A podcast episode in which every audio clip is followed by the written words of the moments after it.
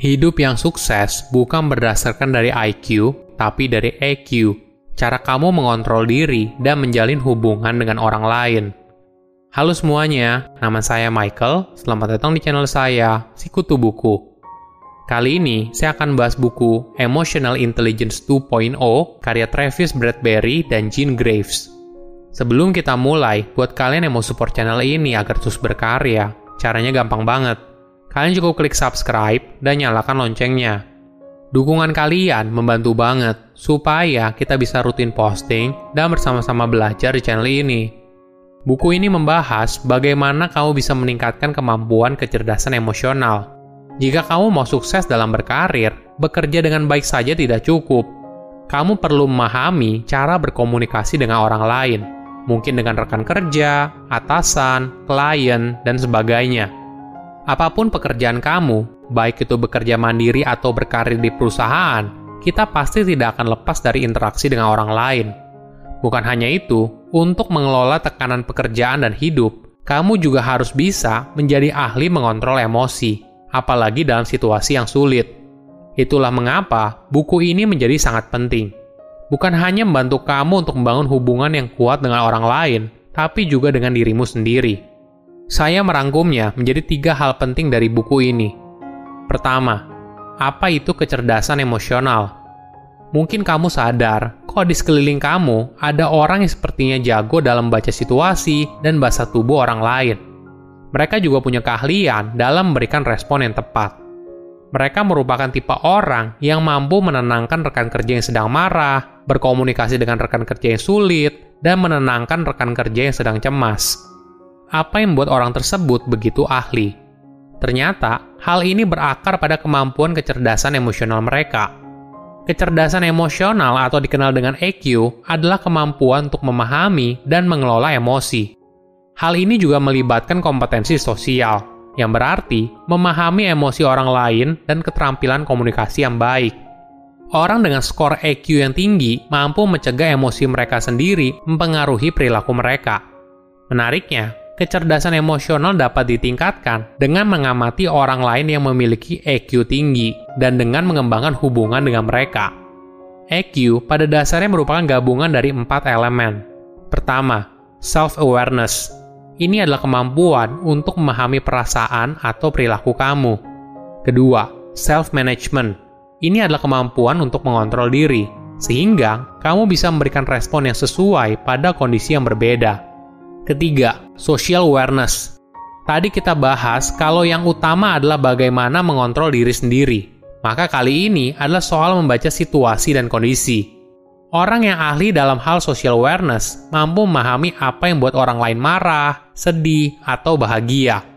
Keempat, relationship management.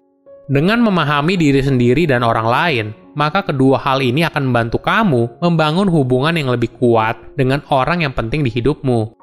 Contohnya begini, jika kamu tahu kalau rekan kerjamu sulit menerima kritik secara langsung, maka kamu akan mencoba memberikan kritik yang lebih mudah diterima. Kedua, mulai dengan dirimu dulu. Seberapa baik kamu mengenal dirimu sendiri? Kamu mungkin tahu apa yang kamu suka dan tidak suka, tapi self-awareness lebih dalam daripada hanya sekedar itu. Ini adalah tentang bagaimana kamu memahami emosi dan perasaan kamu, sehingga kamu tidak dikontrol olehnya kamu jadi paham soal apa yang kamu rasakan, termasuk ketika kamu marah atau kesal. Misalnya begini, suatu hari ternyata dompetmu ketinggalan di rumah saat kamu sudah sampai di kantor. Kopi yang kamu buat tumpah, atau rekan kerjamu tidak bekerja sesuai deadline.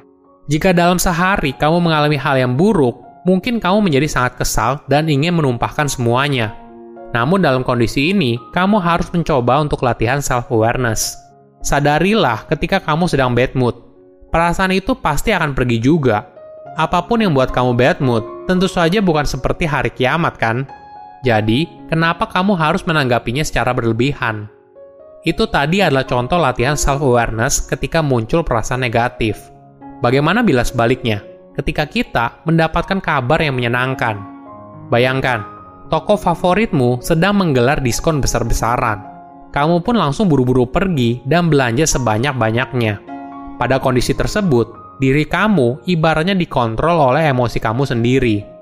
Ketika dalam kondisi ini, coba berhenti sejenak dan tanya ke dirimu, apakah kamu benar-benar memerlukan barang tersebut? Latihan self-awareness ini akan berusaha untuk membuat kamu sadar tentang apa yang kamu rasakan. Selain self-awareness, selanjutnya latihan yang bisa kamu lakukan adalah self-management. Ini memang bukan hal yang mudah. Setelah memahami apa yang sedang kita rasakan, ini adalah latihan untuk menyeimbangkan antara logika dan perasaan. Kamu juga bisa menimbang mana yang lebih penting dan prioritaskan untuk tujuan jangka panjang. Misalnya, kamu mau menurunkan berat badan namun kemudian kamu diajak makan all you can eat. Bagaimana? Pilihan mana yang kamu ambil? Tentu saja, setiap pilihan ada konsekuensinya. Dan apakah pilihan kamu mendekatkan pada tujuan atau tidak? Ada dua latihan yang bisa kamu lakukan untuk melatih self-management. Pertama, emotion versus logic list. Jadi, ketika misalnya kamu dihadapkan pada dua pilihan, apalagi pilihan yang sulit, maka kamu bisa berlatih dengan membuat daftar antara perasaan dan logika. Tuliskan argumen secara logika dan perasaan di dua baris yang berbeda, sehingga ini bisa membantu kamu melihat segala sesuatu dengan lebih jelas. Kedua, gunakan self-talk.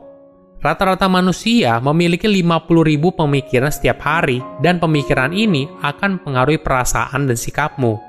Jadi, ketika kamu sudah sadar apa yang sedang kamu rasakan, usahakan untuk berlatih mengganti pikiran negatif menjadi pikiran yang lebih positif. Ketiga, belajar memahami orang lain. Sebelumnya kita sudah bahas kalau semuanya harus dimulai dari diri sendiri dulu. Barulah kemudian kita bisa melatih kemampuan kita untuk memahami orang lain.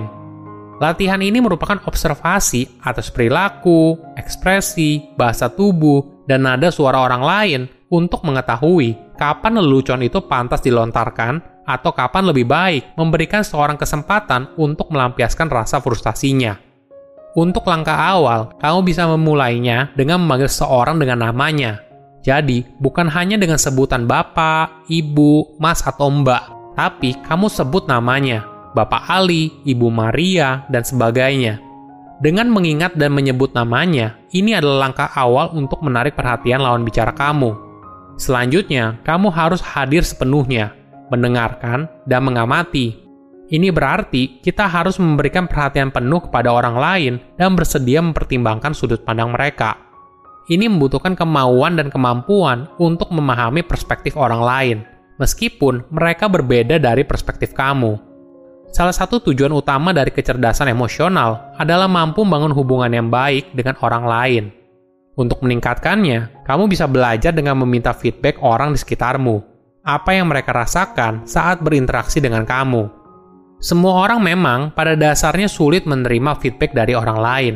Namun, kritik yang membangun mampu meningkatkan dirimu sebagai pribadi dan juga pada akhirnya meningkatkan hubungan kamu dengan orang lain. Orang dengan kecerdasan emosional yang baik mampu mengontrol dirinya sendiri, tahu kapan harus bicara dan kapan harus diam. Mereka juga mampu membaca situasi dan kondisi saat berhubungan dengan orang lain Silahkan komen di kolom komentar pelajaran apa yang kalian dapat ketika baca buku ini. Selain itu, komen juga mau buku apa lagi yang saya review di video berikutnya. Saya undur diri, jangan lupa subscribe channel YouTube Sikutu Buku. Bye bye.